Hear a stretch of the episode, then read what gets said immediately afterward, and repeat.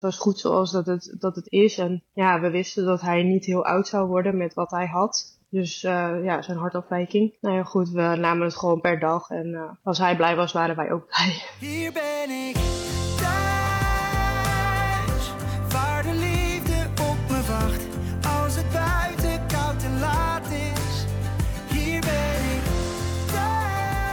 Welkom bij de podcast Door Weer en Wind die we maken voor Homesport Events. Het sportevenement van het Ronald McDonald Kinderfonds. 24 uur non-stop sporten voor families met een ziek kind. Ik ben Ewout de Bruin. Naast mij Joep Bimbergen. Joep, hoi. Hey Ewout. En wat leuk, je hebt een enorm netwerk waar we uit putten met allemaal gasten. Uh, en deze keer is heel dichtbij. Vandaag een hele bijzondere. We spreken Marjolein Merks, uh, mijn nichtje. Onze moeders zijn zussen. En zij is nou ja, pitcher bij het Nederlands damessoftbalteam. Ja, straks dus het verhaal van Charlie, het tweede deel van het verhaal van Charlie. Maar eerst Marjolein Merks, softbalster in het Nederlands team topsporter. Uh, Marlijn, onwijs fijn dat je bij ons in de uitzending bent. Ja, ik vind het ook ontzettend leuk om, uh, ja, om erbij te zijn. Dankjewel voor de uitnodiging. Ja, we hebben natuurlijk uh, nou ja, iets te doen. Hè. We gaan uh, fietsen 500 kilometer. En we fietsen best veel, maar we zijn geen topsporters. En in deze podcast horen we heel graag van topsporters hoe je je nou voorbereidt op zo'n extreme prestatie. Um, en nou is softbal natuurlijk wel wel iets anders dan fietsen. Maar nou ja, weet je, de mindset om een doel te bereiken, dat is eigenlijk waar we naar op zoek zijn. Ja. Um, en uh, we hopen van jou daar ook wat meer van te horen. En volgens mij nee, is die mindset bij jou wel echt, uh, echt ook uh, dik in orde. Want je hebt uiteindelijk ook, je leeft voor het softbal. Je hebt ook in Amerika gespeeld. Ja, klopt. Nou, ik softbal eigenlijk al sinds dat ik vijf of zes jaar oud ben. En nou, sinds toen was het natuurlijk nog niet zo professioneel als nu. Maar in ieder geval de laatste, nou wat zou ik zeggen, 15 jaar beslaat het toch al ongeveer uh, 99% van mijn leven, ja. En wat, wat is er zo bijzonder aan softbal? Nou ja, de reden waarom ik ooit begonnen ben, was omdat ik uh, het eigenlijk met mijn vriendinnen deed. En dan is het natuurlijk makkelijk. Want dan, uh, ja, dan ben je gewoon altijd met je vriendinnen bezig. En op een gegeven moment shiften de, hun mindset wel richting, ah, het kost te veel tijd, ik stop ermee. En bij mij was het zo van, nou, ik, uh, nou, volgens mij kan ik het wel, dus ik ga er nog even mee door. Het bijzondere aan softbal is dat het echt voor, ja, dat klinkt zomaar voor iedereen is. Ja, dat klinkt ook zo alsof iedereen het kan, alsof iedereen mee kan doen op het hoogste niveau. Maar dat is dan weer niet het geval. Maar binnen mijn team zitten er al zoveel verschillende atleten. Uh, die alle posities, uh, nou niet alle posities kunnen, maar iedereen kan een andere positie heel goed. En ik zou zeker ook niet alle posities kunnen spelen, maar toch kan ik mee op het hoogste niveau. En dat is denk ik wat softball heel bijzonder maakt.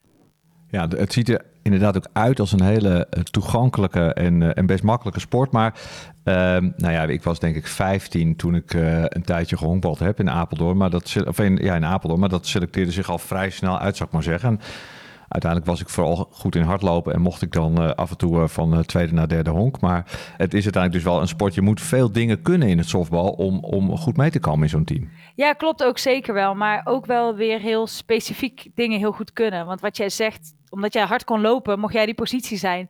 En die positie is heel erg belangrijk op het moment dat je dat punt nodig hebt.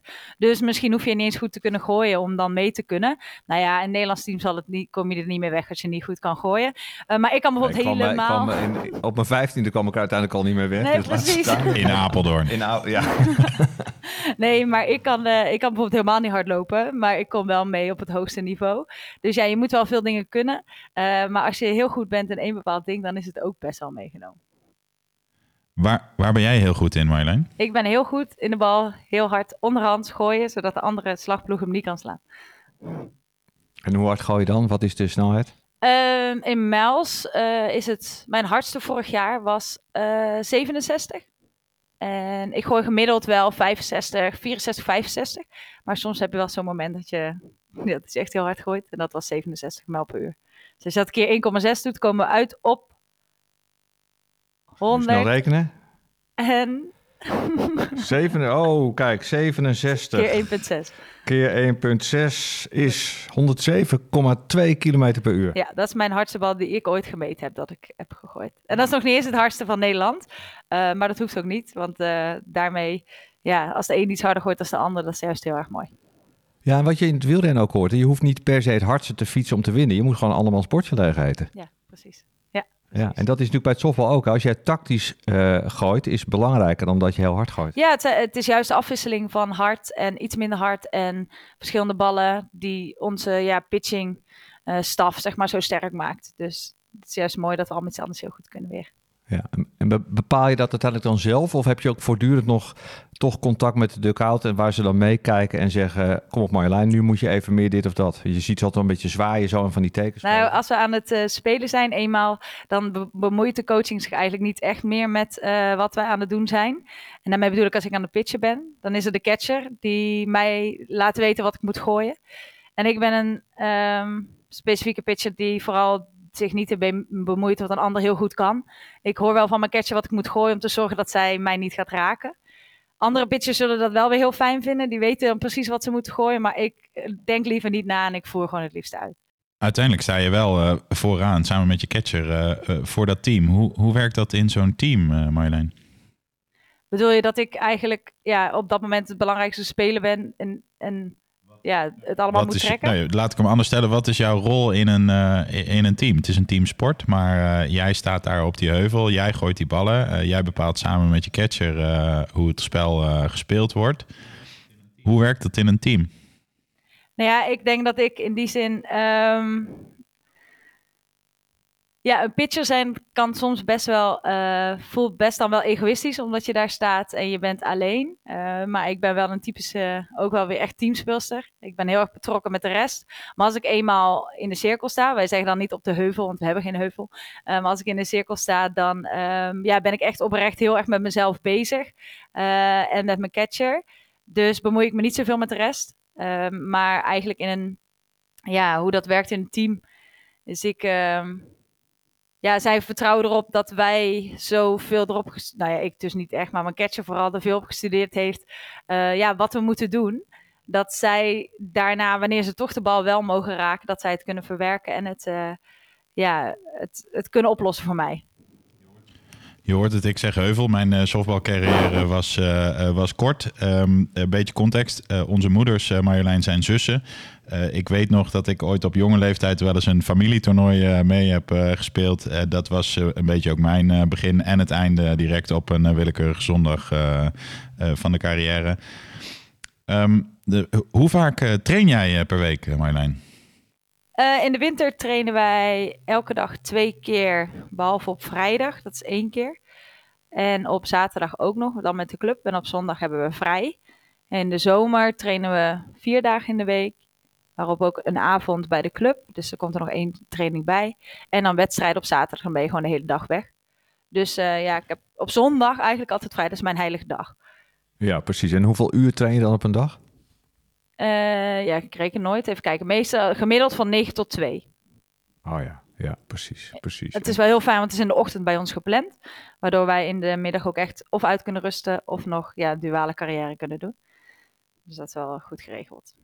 Ja, dat je nog gewoon uh, een, een carrière in uh, de burgermaatschappij kan hebben. Dat je gewoon bij een baas kan werken. Ja, ja precies. Of, of een eigen bedrijf kan hebben of iets anders. Ja, er zijn een aantal meiden die nog naar school gaan. En een aantal meiden die ook nog werken daarbij. Want van softbal kan je helaas niet uh, na uh, die status, zeg maar, de Olympische, het Olympische deel, kan je niet echt geld ermee verdienen. Dus er is ook echt wel belang dat je nog eventjes daarnaast een duale carrière opbouwt. Want als het klaar is, dan is het ook klaar. Ja. Tot nu toe, hoe ziet jouw uh, sportcarrière eruit? Wat zijn de highlights? Nou, ik um, ben um, in, dat is altijd moeilijk nadenken, wel lang geleden. 2011 ben ik vertrokken naar college in Amerika, in Florida. Daar heb ik twee jaar um, gespeeld. Uh, in Florida, Florida State College. Dat is een junior college, tweejarige school. Van mij eerlijk gezegd heb ik daar echt heel veel geleerd, maar niet op softbalgebied. Uh, ik ben daar echt uh, wel heel erg vooruit gegaan als mens. het leren op jezelf wonen, helemaal aan de andere kant van de oceaan. Toen was ja, was Skype en videobellen en zo, dat was nog helemaal niet. Dus daar heb ik wel heel veel van geleerd. Ja, in de Sunshine State was dat. Precies, ja, het was ja, in die zin heel erg geweldig. Maar uh, softball-wise viel het wel mee. Uh, maar ja, ik heb er echt heel erg van genoten. Toen ben ik wel teruggekomen naar Nederland, omdat ik het, ja, ik vond de tijd om een studie te starten. Ook dat vind ik toch wel heel belangrijk, ondanks dat ik softbal ook wel hoog had staan. Uh, toen heb ik eigenlijk mijn uh, ja, master in uh, Rotterdam uiteindelijk afgerond. En toen ben ik uitgenodigd voor het Nederlands team.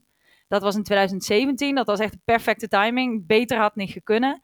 Voor mij was dat ook een moment dat ik dacht, ja, als het dit jaar niet is, dan is het ook niet. Want ik vond mezelf op dat jaar eigenlijk, ja, nu ben ik veel beter, maar vond ik me zo goed dat ik vond dat ik aan kon sluiten bij het Nederlands team. En als het op dat moment dus niet ja, gezien werd of belangrijk vond, ja, dan was het voor mij ook in die zin goed. En dan ging ik, ja, dan zou ik, ja, want het is nog iets ingewikkelder, zou ik naar België verhuizen.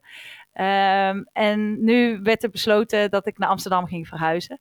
Werd mijn, uh, de rest van mijn leven even uitgesteld, zou ik het zo zeggen. Ja. Dus uh, ja, sinds 2017 bij het Nederlands team. Ja, en uh, het ziet er natuurlijk altijd heel mooi uit. Hè? Uh, uh, je speelt mooie wedstrijden, je komt over de hele wereld. Maar topsport is natuurlijk ook heel vaak gewoon heel veel dezelfde dingen, maar oefenen, oefenen, oefenen. Ja. Uh, en, en, dat is ook wat wij nu straks moeten doen. Hè. Het regent nu, maar we, we, moeten straks weer naar buiten. Want we moeten die kilometers in de benen hebben om straks die 500 te kunnen halen in 24 uur. Hoe motiveer je jezelf nou op dagen dat je denkt van ja, Kom on jongens, met die stomme bal weg ermee. Ja, het is ook echt zo, zo, grappig dat je het zegt. Ik doe nu zeven jaar dit programma, sinds 2017. En het verandert wel elk jaar, maar eigenlijk is het toch wel heel vaak hetzelfde. Uh, in de winter is het echt, in die zin, je probeert er echt het beste van te maken. Maar het is toch op een gegeven moment echt oerzaai. Uh, je bent namelijk alleen maar bezig met beter worden. En je ziet niet echt per se dat je beter wordt. Uh, en dat zie je eigenlijk pas op het moment dat je naar buiten gaat en de wedstrijden gaat spelen. En soms kan dat wel demotiverend zijn. Denk je, wat zit ik nou eigenlijk allemaal te doen?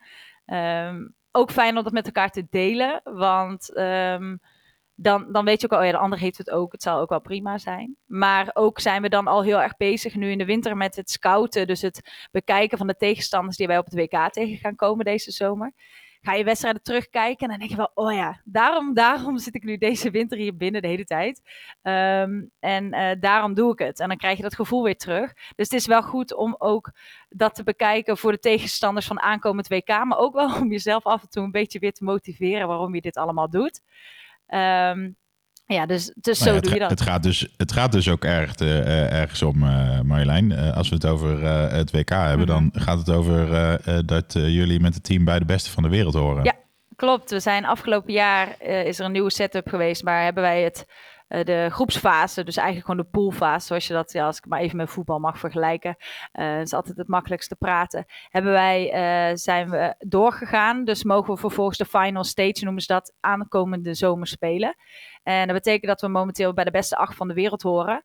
Uh, waar ik heel erg trots op ben, maar wij horen het liefst bij de beste drie van de wereld aan het eind van deze zomer. Ja, precies. En waar is dat WK? WK is in Italië, 15 juli. Oh, dan zijn we alweer binnen. Nou, precies. Kan je even doorkomen met de fiets? Als je Doorfietsen naar Italië. Ja, nee, precies. Dan hebben we, toch zijn we lekker op gang, Joep. Dus dan misschien moeten we dat doen, door naar Italië fietsen. Nou, Joep is altijd wel uh, in Haarlem van de partij. Maar ik weet niet of uh, Italië dan net iets te ver is. Maar... ja, ja. hey Marjolein, um, nee, je, je schetst al, het is heel veel um, uh, dus repeterende dingen en ook nadenken over ja, hoe zou dit nou uitpakken als ik op mijn best ben. Dus je moet ook voortdurend dat doel blijven visualiseren.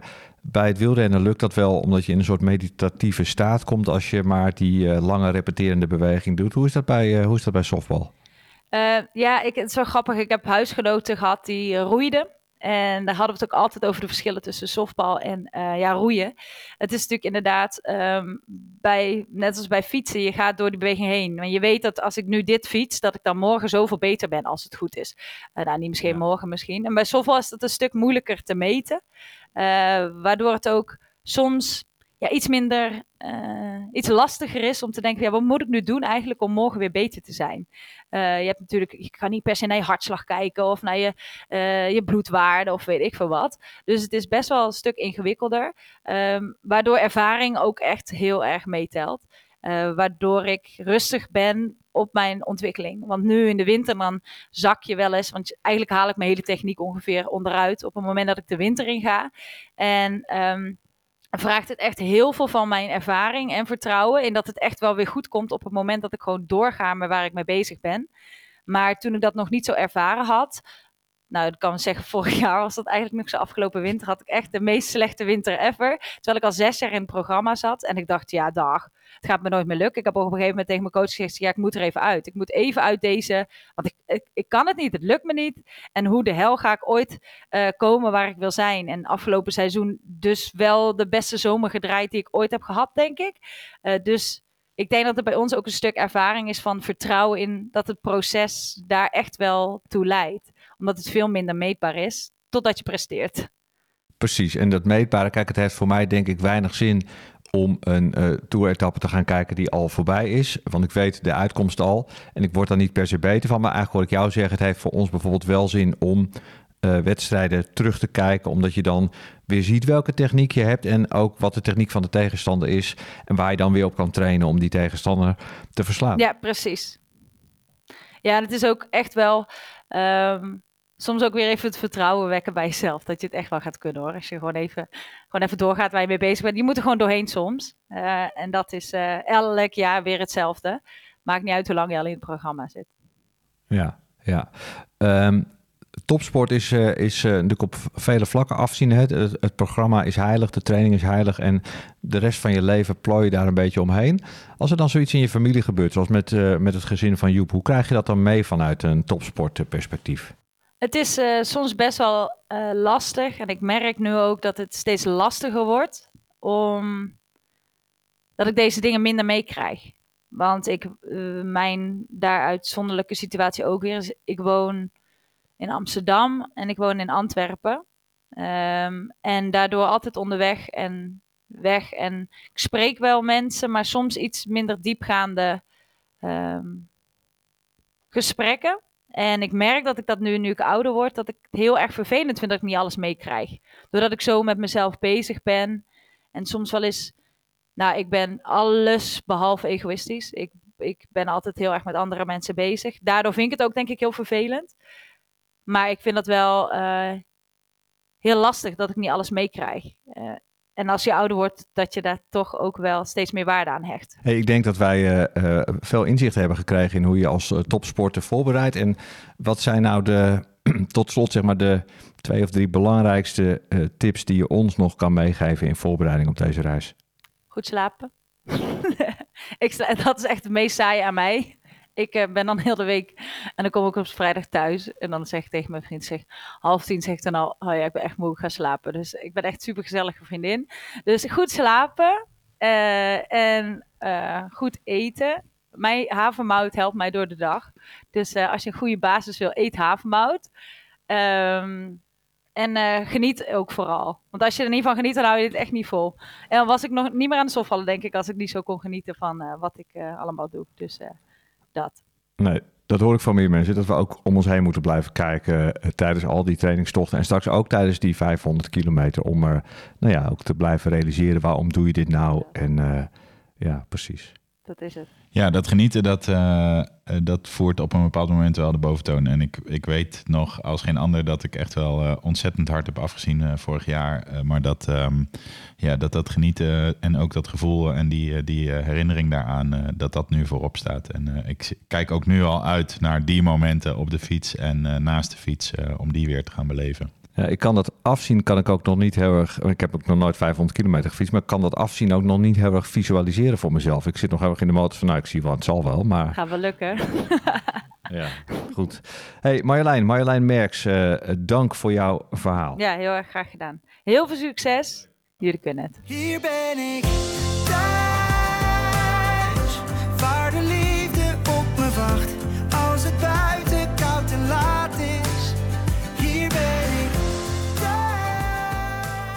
Vorige week vertelde Aileen over de periode in het Ronald McDonald huis.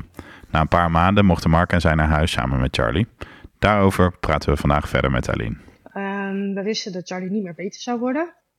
Um, de laatste keer dat we uh, in Leiden waren, uh, is er. Um, uh, Charlie hield bij zijn hart hield hij vocht vast, waardoor dus zijn hart steeds minder ruimte had om, om te pompen. Dus dat was steeds best wel gevaarlijk. Uh, toen hebben ze een, een luikje gemaakt zodat het vocht weg kon. Maar uh, toen uiteindelijk heeft zijn hart het zo zwaar gehad dat hij daar is gereanimeerd. En um, ja, daar niet zo heel goed is uitgekomen ook. eh, waardoor we een ehm, eh, niet reanimeerbeleid kregen, zeg maar. Dus dat als het nog een keer zou gebeuren, dat ze hem, zeg maar, ja, zouden laten gaan.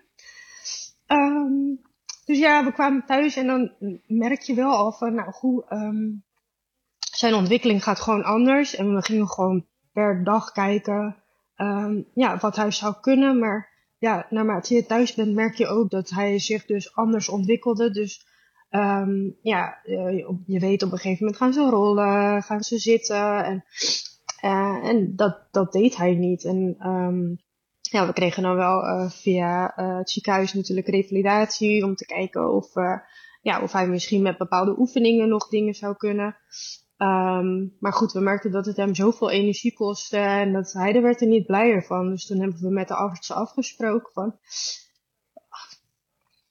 We willen hem gewoon een comfortabel leven geven. Um, voor zo lang of hoe kort dat ook mag duren. En geen gekke polonaises meer aan zijn lijf. Geen uh, onderzoeken die niet nodig zijn. Uh, echt alleen het hoognodige. En dus ook geen... Um, uh, ja, fysiotherapie om hem dingen te leren die hij waarschijnlijk toch niet gaat kunnen, wat hem alleen maar heel veel energie kost. Dus, ja, um, echt, echt. Ja. Dus ja. Focus op het leven dat het op dat moment Precies. is. Precies. Uh, wij waren gewoon blij als hij een goede dag had, uh, waarop hij dus heel veel lachte en uh, gewoon blij was. En ehm, dat was goed zo. En um, ja, dus uiteindelijk heeft hij het nog nou ja, naar mijn idee best wel lang volgehouden. Want de artsen waren eigenlijk ook steeds best wel verbaasd. Um, het enige wat hij nog kreeg was echo's van zijn hart. Sorry hoor, ik had op zich wel even een tissue kunnen klaarleggen. um, en dat was eigenlijk alleen maar omdat wij hadden heel goed contact met onze cardioloog, dokter Irene. En het was best wel fijn om één keer in de drie, vier maanden daarheen te gaan en even met haar te kletsen van hoe het nou gaat en of er nog dingen waren die we nodig hadden. En met het Emma thuisteam. En um, dus dat was eigenlijk het enige. En nou ja, het was, het was goed zoals dat het, dat het is. En ja, we wisten dat hij niet heel oud zou worden met wat hij had. Dus ja, zijn hartafwijking. En nou ja, goed, we namen het gewoon per dag. En nou ja, als hij blij was, waren wij ook blij. Kun je iets vertellen over jullie mooiste dag samen? Ja, nou ja, goed. Die, um, toen Colin vier jaar werd, zijn we naar uh, Beeksberg gegaan. En um, we hebben daar uh, op het resort uh, een midweekje zijn we daar verbleven. En ondanks de voorspellingen, er was heel veel regen voorspeld en heel veel wind. En waren het echt vier prachtige dagen. We hebben echt super mooi weer gehad.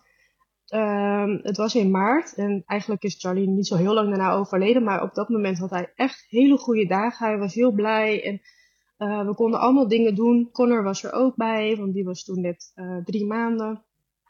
Uh, zijn we elke dag erop uit geweest, naar de dieren kijken. Nou ja, Charlie vond het helemaal leuk en dat waren echt, echt hele mooie dagen. Ja, ja dat kan ik me, kan ik me voorstellen. Dat is misschien wel de meest waardevolle herinnering die je dan als gezin hebt? Ja, zeker. Ja, het was echt, uh, nou ja, dagen echt met een gouden randje. Het was echt, uh, kijk, het is altijd maar afwachten. Want ja, Charlie is natuurlijk ook echt wel heel ziek geweest. Uh, ja, hij uh, soms dagen, dan was hij bijvoorbeeld heel erg aan het kreunen. En dan merkte je gewoon dat hij pijn had. Maar je kon hem gewoon niet echt goed helpen. Uh, behalve dat we hem wel, wij mochten hem wel lorazepam geven. Dus een ja, wat rustgevend medicijn, zeg maar.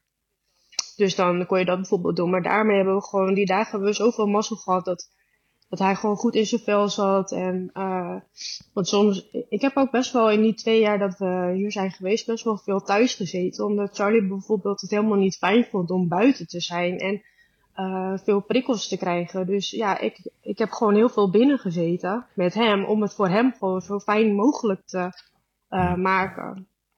Maar goed, in ja. Beekse Bergen was hij zo helemaal aan het opbloeien en vond hij het echt helemaal leuk. En nou ja, zover hij zeg maar dingen echt leuk vond. Maar gewoon hij, hij, ja, hij was gewoon heel blij daar. En dat was voor ons wel echt iets van, uh, nou, dat hebben we toch maar eventjes in ons zak mogen steken. Wat, Wat ontzettend bijzonder. En wat vertel je het ontzettend mooi, Eileen.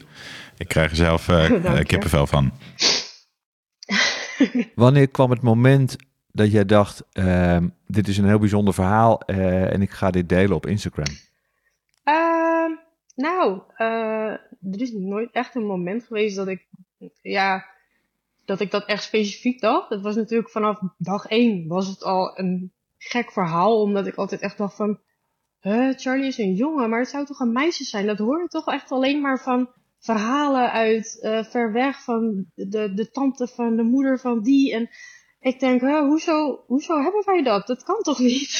dat is toch gek? Dus toen dacht ik al van, nou, ik ga dit allemaal opschrijven en ik wil het voor mezelf eh, ja, bijhouden wat er allemaal gebeurt. En nou ja, goed, ik was in mijn leven, was ik eigenlijk nog nooit echt in een ziekenhuis geweest. En nou ja, dus ik had voor mezelf ehm, ja, een soort dagboek bijgehouden. Nou ja, dat is gewoon eh, mijn notities op mijn telefoon, maar eh, allemaal dingen opgeschreven, ook qua onderzoeken. En ehm, ja, gewoon om het allemaal bij te houden van voor mezelf, dat als ik het nou later zou willen teruglezen, dat je dat hebt. En eh, nou, op een gegeven moment ben ik toen met Instagram begonnen, maar dat is echt pas veel later nadat het allemaal was gebeurd. Omdat, ja, ik, ik, op het moment dat Charlie in het ziekenhuis lag of dat hij zo ziek was, ja, ze zeiden tegen mij wel van ja, je moet foto's maken voor de verwerking. Maar ik was daar eigenlijk helemaal niet mee bezig. Dus eigenlijk pas echt veel later nadat we weer, um, ja, dat het allemaal was gebeurd, dacht ik van, goh, ik vind het op zich ook wel mooi om te delen van hoe dat allemaal is en hoe dat allemaal gaat. Omdat ik zelf ook geen idee had van, ja, hoe dat allemaal is. En nou, het begint natuurlijk op Instagram dat, dat je vrienden je volgen en je kennen ze en daar weer kennis van. En uiteindelijk zijn er echt zoveel mensen dat ik ook echt dacht van, huh, oké. maar goed, uh, ja, ik vind schrijven heel erg leuk. Um, ik moet ook zeggen dat dit echt totaal uit mijn comfortzone is. Ik denk dat je me ook echt nog nooit op Instagram uh, überhaupt hebt gezien als een filmpje echt zo. Het gaat heel goed. Nee, maar ik snap het wel, want het, het, het is, hè, um, je schrijft iets, je legt het even weg, je denkt erover na, je Ja. herschrijft het misschien nog een Veel beetje. makkelijker. Ja, en kies dan echt de woorden. En hier is het best Ja. confronterend, want we stellen ehm, hele confronterende vragen. En Ja. ehm, nou, daar willen we dan graag een antwoord op. Dus ik snap dat dit echt heel anders is. Ik vind het wel heel bijzonder, want ook op Instagram zijn jullie heel open. En ehm, Ja. post je ook gewoon een, een, een foto van, eh, van Mark en jou bij een kistje. En, eh, en Ja. ook in het moment, hè, kijk, mama schrijft een week nadat Charlie is overleden van nou, dit is er nu gebeurd. Dus ehm, eh, aan de ene kant, ja. Ja. je bent er wel echt heel open over. Ja, maar ik vind het op zich ook wel. Ik krijg zoveel lieve reacties ook van. eh, er zijn ook heel veel mensen die mij volgen die dit ook hebben meegemaakt. En dan ieder verhaal is anders, dus het, is- nooit hetzelfde. Maar eh, die daar dan juist dan ook wel weer steun uithalen. En ehm, ja, die dan zeggen dat ik het mooi schrijf. En ja, ik, ik doe het niet voor andere mensen, want ik schrijf het echt puur voor mezelf. En ook met de foto's. En uiteindelijk zal ik er wel een mooi fotoboek en alles van gaan maken. Maar eh, voor wat ik schrijf, ik ja, ik probeer het voor mezelf zo mooi mogelijk te verwoorden, zodat ik over vijf jaar, het, eh, of nee, nog niet eens over vijf jaar, over tien jaar, zeg maar, dat ik het aan Colin kan geven en dat hij kan zeggen van, kijk, mocht je het willen lezen, weet je wel, dit hebben we allemaal meegemaakt en jij bent er ook een heel groot deel van. Nou ja, goed, het is voor hem, want hun waren natuurlijk ook nog zo jong. Ja, dat is misschien dan wel mooi om, ja, ik bedoel, nu het enige wat Colin zich herinnert van het Ronald McDonald's huis is de ballenbak. Ja. Nou ja, goed, dat is wel alleen maar mooi natuurlijk. Ja, ja. Je, je zegt, ik schrijf het echt voor mezelf. Ehm, het Ja. wordt door tienduizenden mensen gelezen op Instagram. Steunt jou Ja. dat ook weer op een of andere manier? Eh, nou ja, ja, ik krijg wel echt heel veel mooie reacties en dat, ehm, ja, dat motiveert mij dan wel weer, zeg maar, om, eh, om ermee door te gaan. Want ik ben nu bijvoorbeeld gestopt bij de dag van, eh, kijk, ik schrijf een beetje door elkaar heen, dus nu heb ik een paar keer een stukje van de uitvaart. En, eh, maar in principe het verhaal van Charlie echt, het hele verhaal, daar ben ik nu gestopt, ik geloof op 25 juni. En dat was de dag van dat hij werd geopereerd aan zijn grote hartoperatie. Maar daarna is natuurlijk nog veel meer gebeurd. En dan denk ik, nou, ik vind het wel, ik krijg zoveel lieve reacties. Dan wil ik daar wel gewoon mee doorgaan en dat ook, ook eh, blijven vertellen, zeg maar. Ook omdat ik het gewoon wel mooi vind om, ja, om te blijven vertellen. En uiteindelijk is Ja. er ook een soort bedrijfje ontstaan. Jullie verkopen nu ook dingen via dit account om mensen... Ja. Ja, waarom precies? Nou, eh, toen ik op de IC zat in Leiden, toen eh, dacht ik van, ja, de, je had daar niks. en dan ga je gewoon heel veel nadenken. En toen dacht ik, ik vind het wel mooi om iets goeds te doen eh, als, als we zeg maar in rustig vaarwater zitten. eh, om, om een goede doelen te steunen. En nou ja, dan ga je nadenken op welke manieren je dat kan doen. Nou ja, eh, ik vind het leuk om, nou, bijvoorbeeld als ik iets heb of zo, om daar een bepaald deel van de opbrengst naar het goede doel te doen. Of dat ik een leuke actie verzin, dat mensen iets kunnen winnen en dat ze dan, dat het dan ook weer naar een goed doel gaat. Ehm, ik vind het heel leuk om daarmee bezig te zijn en ik vind het ook leuk om daar mijn bereik, of ja, wat het ook is, daarvoor in te zetten. Want ik ben niet, kijk, ik ben geen influencer. Ik hoef geen eh, pampers te gaan verkopen voor geld. eh, of, eh, oh kijk wat een leuk kleertje ik heb gekocht voor mijn kinderen. Dat kun je daar en daar kopen. Ik vind het juist leuk om de volgers die ik heb, zeg maar, om eh, mijn bereik in te zetten. Ook voor juist voor het goede doel. En ik denk ook dat ik de mensen daarvoor heb. Want elke keer als ik iets bedenk of iets, dan loopt het best wel goed. En dat vind ik dan echt wel heel erg leuk om me daar op die manier ehm, ja, voor in te zetten. Er zijn een paar mooie acties eh, voor eh, het Ronald McDonald Kinderfonds ook voorbij gekomen. Wat is de meest bijzondere? Kun je daar iets over vertellen?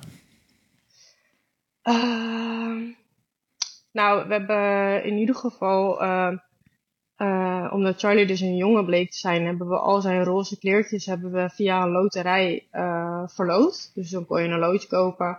Eh, en dan kon je dus al zijn roze kleertjes en al zijn roze knuffeltjes en alles wat we hadden gekocht. Want alles was natuurlijk nog nieuw, want eh, we hebben meteen gewoon in dozen gestopt en weggedaan en andere dingetjes voor hem gekocht. Want ja, je gaat hem natuurlijk niet in een roze pakje daar in het ziekenhuis laten liggen. Dus, eh Echt, nou, mannen dragen roze, toch, Ewout? Dat is wel zo. Mijn man ook Ja, wel hoor. Dus eh, ja. Nee, Maar ik goed. snap wat je zegt. Nee, maar we kwamen Ja, inderdaad hij van de heeft week... Hij heeft ook Charlie, hè? Dus dan is het wel een beetje verwarrend. Dan wordt het wel verwarrend. Maar we kwamen van de week in- nog bij het opruimen in een, in een zak kleren... kwamen we inderdaad een roze broek tegen. Eh, Ja. En toen zei Herman, mama, die vind ik mooi, die wil ik aan. Dus eh, Oh. Herman gaat binnenkort toch ook een keer in een roze broek naar buiten. Ja, maar dat kan ook gewoon. Dat kan vind ik ook prima. helemaal niet gek. Maar Nee. ja, ik weet niet. Als je dan ook nog Charlie heet en je hebt een kleine piemel en je ligt in het ziekenhuis in een roze bakje, dat ja, dan wordt het een beetje verwarrend. hey Arlene, ehm, ehm, hoe was het voor jou en Mark samen? Want het gaat nu heel erg over jou en over... eh, Ja. Maar jullie waren ook gewoon samen. Hoe, hoe ga je daar Ja. samen mee om? Ehm, nou ja, we hebben wel ons een klein beetje opgesplitst in die tijd. Eh, ja, dat was natuurlijk ook niet altijd makkelijk. En zeker niet voor Mark, want die is best wel veel op en neer gereisd. Eh, ja, hij had ook zijn werk. En op een gegeven moment duurde natuurlijk wel de, het herstel en het, de terugvallen en opnieuw een operatie. Ja, dat duurde natuurlijk best wel lang. Dus op een gegeven moment was het ook wel belangrijk dat hij gewoon wel weer iets eh, qua werk ging doen.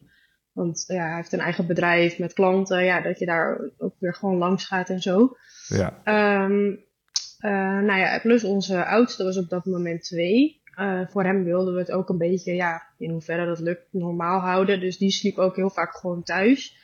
Eh, en dan kwamen ze ook naar mij toe. En ja, ik was gewoon degene die voor Charlie altijd in de buurt was. Dus altijd in het Ronald McDonald's huis en in het ziekenhuis natuurlijk. Ehm, dus ja, je, je was best wel veel eh, gescheiden, maar ehm, ja, ook weer niet natuurlijk, want het brengt je ook wel dicht bij elkaar. Maar ehm, ja, het was best wel, eh, wel gewoon sowieso een pittige tijd. Omdat voor hem was het contrast ook wel heel erg groot. Want hij was de papa die ja, verdrietig was bij Charlie. Maar daarna, ehm, ja, het was super mooi weer. Ging hij met Colin naar het strand om een ijsje te eten. Ja, dat is natuurlijk heel gek. Terwijl je Ja, hart in duizend contrasten. stukjes ligt. Ja, Ja, de contrast die contrasten zijn groot. enorm groot. Ehm, ja. Ik, dus dat ik vind ik soms zelf telde de ja, dagen. Ik telde de dagen en iedereen heeft een eigen, eigen mechanisme. Maar wij hadden het mechanisme. Onze dochters waren er in principe altijd bij. Die waren iets Ja. ouder dan, eh, dan Colin. Ja. Eh, ik ken de familiekamers in Leiden. Nou ja, ik denk dat ik ze nog steeds uit kan tekenen met de tussendeur en eh, twee kleine bedjes die daar naast elkaar gepropt stonden. In Rotterdam hadden we eigenlijk niet eens die echte familiekamer, want die was bijna altijd bezet en waren de kamers ook wat ruimer. Maar juist die Mhm. momenten om even buiten het ziekenhuis te zijn, die zorgden er voor mij ook voor dat, eh, ja, dat je ook even op kon laden en ehm, eh, eh, juist nergens over na te denken en juist Ja. even een ijsje te kunnen gaan eten. En het ja, moment precies. ja, na een lange opname dat ik hoorde dat Mathies naar huis mocht. en dit was december. stond ik met de dochters op de, op, op de Euromast naar, bijna naar beneden te waaien. Dat, Oh. ja, dat, dat contrast. Maar ja, dat contrast trekt je er ook eh, soms doorheen. Ja, nee, dat is zeker waar hoor. Want ja, dat zeg ik bij ons ook. De periode dat Charlie in Leiden lag, was het zulk mooi weer. En daar heb je natuurlijk een prachtige tuin. Dus ik heb ook heel veel met Colin dan. Was eh, Mark bij, bij Charlie in het ziekenhuis. En dan was ik met Colin in de tuin aan het spelen daar. Met zo'n loopauto. Of dan kreeg je een handvol met visjesvoer. Mocht je daar die visjes in die vijver voeren. Ja, dat zijn wel echt dingen dat je gewoon even weer Ehm, weet je, even quality time ook met je, met je oudste. En ehm, ja, en daarna ga je weer het ziekenhuisleven leven in. Ja, maar dan is zo'n huis is zo'n fijne plek. En dat zeg ik voor Colin, die heeft echt eigenlijk alleen maar mooie herinneringen eraan. Eh, zoals bijvoorbeeld in, eh, in het Emma ziekenhuis was er een ballenbak. En, eh, en bij Leiden ging je met de tractor en de vissen. En ja, dat is wat hij nog weet. Nou, dat vind ik wel echt heel mooi. Je zet je ook eh, eh, naast ehm, eh, deze bijdrage in voor, het, voor de huizen. Ik herinner me acties op Moederdag en Vaderdag, als ik het goed heb. Dat Ja, liep een beetje uit de hand, toch? Met pallets vol met cadeaus in de, in de kamer. Ja, met moederdag, ja. Ik was zelf met moederdag en met vaderdag ook zelf in een huis. En toen kregen wij ook iets. Eh, en dat vond ik echt heel erg bijzonder. Omdat het toch wel, dat je denkt van, oh, er wordt aan je gedacht. En eh, nou, dat, dat vond ik gewoon echt een heel mooi gebaar. En eh, toen dacht ik, ik wil ook zoiets doen. En toen dacht ik voor moederdag, oh, het is wel leuk om een goodiebag te geven. Gewoon met wat kleine dingetjes erin. Ik bedoel, ja, vrouwen als bijvoorbeeld naar een ladies night gaan, dan krijg je ook vaak een goodiebag mee. Dus ik denk, nou, hoe leuk is het als je dan in zo'n huis zit, dat je dan een tasje krijgt met wat leuke dingetjes. Nou, en er waren ook best wel veel bedrijven best wel enthousiast. Zoals bijvoorbeeld eh tijdschrift Kijk Mama. Nou goed, als je mooi in het ziekenhuis zit en je hebt even een momentje voor jezelf, is het best wel leuk om even door een tijdschrift te bladeren, denk ik. Dus, eh, nou ja, goed, maar op een gegeven moment had ik zoveel spulletjes verzameld. Ook eh, een blikje ijsthee en, nou ja, dus de hele woonkamer stond helemaal vol met dozen. dus het was echt een beetje uit de hand gelopen inderdaad. Omdat je ook steeds niet beseft hoeveel 220 stuks eigenlijk is. Want je denkt even van, oh 220, nou dat valt er wel mee. 220 tasjes, 220 blikjes. Maar op een gegeven moment stond dus een hele eethoek stond vol met dozen. Maar even Maar, praktisch, eh, jij, jij had jezelf ja. dus als doel gesteld om alle moeders in alle huizen in Nederland een moederdag cadeau te, Ja, een te brengen. Ja. Ja. Dus, eh, nou goed, het was wel gelukt. En het was wel heel fijn, want Ronald McDonald's die werkt ook samen met een soort van verhuisbedrijf. Dus er kwam echt een hele grote vrachtwagen. Die kwam eh, al die dozen hier ophalen om dan weer te verspreiden onder de huizen. Zodat alle moeders op tijd dan hun goodiebag hadden. En eh, zodat die dan aan de deur werd gehangen op moederdag als extra verrassing. Dus eh, ja, en dan krijg je wel ook via Instagram, daar doe ik het echt helemaal niet voor. Maar dan krijg je toch van iemand die in zo'n huis zit van, goh, wat onwijs lief dat je aan me denkt. En het is echt even een hart onder de riem. En ja, dat, dat vind ik gewoon mooi. En ehm, ik weet ook dat dat zo is, dus niemand hoeft dat in principe te sturen. Maar eh, ja, dat je dan toch zo'n bericht krijgt, is dan wel gewoon echt heel erg lief. Ja, wij doen het dan wat dat betreft wel makkelijker. Hè? Want wij nemen dit op en verspreiden het gewoon via internet. Dat gaat allemaal vanzelf. Eh, ehm, Wel eh, goed dat jullie ervoor inzetten. Dus kijk, het enige wat hier wel dat doe echt- ik dan niet. Nee, het enige wat hier wel echt binnenkomt, eh, eh, iedere keer is het verhaal. hè. We zitten hier nu ook allebei gewoon toch wel een beetje met tranen in onze ogen, lieve Eileen, voor, eh, voor jouw verhaal. Super mooi en fijn dat je het wilde delen met ons en met alle luisteraars van de podcast. Ja. Ehm, Geen probleem. Ik vind, het heel, ik vind het heel bijzonder. Wij kennen elkaar eigenlijk helemaal niet. Eh, alleen heb ik dat gevoel helemaal niet. Ehm, eh, vorig Ja. jaar, eh, precies op de dag eh, dat we fietsen, dat ik de home ride fietste. En ehm, Ja. eh, ik weet het moment eh, nog goed. Eh, de postbank fietste ik op. En dat was echt al wel een pittig klimmetje. Ondanks dat we nou ja, nog maar een paar, onderweg, eh, paar uur onderweg waren. En daar, daar scheen de zon super mooi over de heide. En dat, dat moment, en ik heb het je vrij Ja. snel daarna gestuurd. En ik heb je de foto gestuurd. Ehm, maar ik dacht aan jullie eh, toen ik daar naar boven fietste. En eh, alleen al die momenten eh, maakt, het, ehm, ja, maakt het echt heel erg persoonlijk en echt heel erg bijzonder. Ik heb, ondanks Ja. dat we elkaar nog nooit ontmoet hebben, echt het gevoel dat ik, dat ik je ken. En dat vind ik, vind ik heel speciaal. Ik vind het heel speciaal om vandaag je verhaal te bespreken. En het, het is gevoelig en het is, het is ook Laat gewoon nog rauw. Mijn make-up. Nou, Arlene, ontzettend veel dank. Als jij begint te huilen, dan gaan wij ook. En eh, gaan we snel ophangen. Dankjewel voor dit ontzettend mooie gesprek en tot snel. Tot zover de podcast Door Weer en Wind die we maken voor Home Sport Events, het sportevenement van het Ronald McDonald Kinderfonds. 24 uur non-stop sporten voor families met een ziek kind. Op homesportevents.nl slash podcast en in de show notes vind je alle informatie voor deze aflevering. Daar staat ook de link naar de donatiepagina van Team Superhelden, waarmee wij meedoen aan de Home Ride 2024 eind juni van dit jaar. En als je deze podcast een review geeft, worden we beter vindbaar voor anderen. En hoe meer mensen er luisteren, hoe meer kans we hebben op een goede eindopbrengst in juni. Gebruik daarom ook jouw social media om deze podcast te promoten en volg ons op Insta via @superheldenhomeride. Volgende week zijn we er weer met nieuwe gasten. Dag! Tot dan!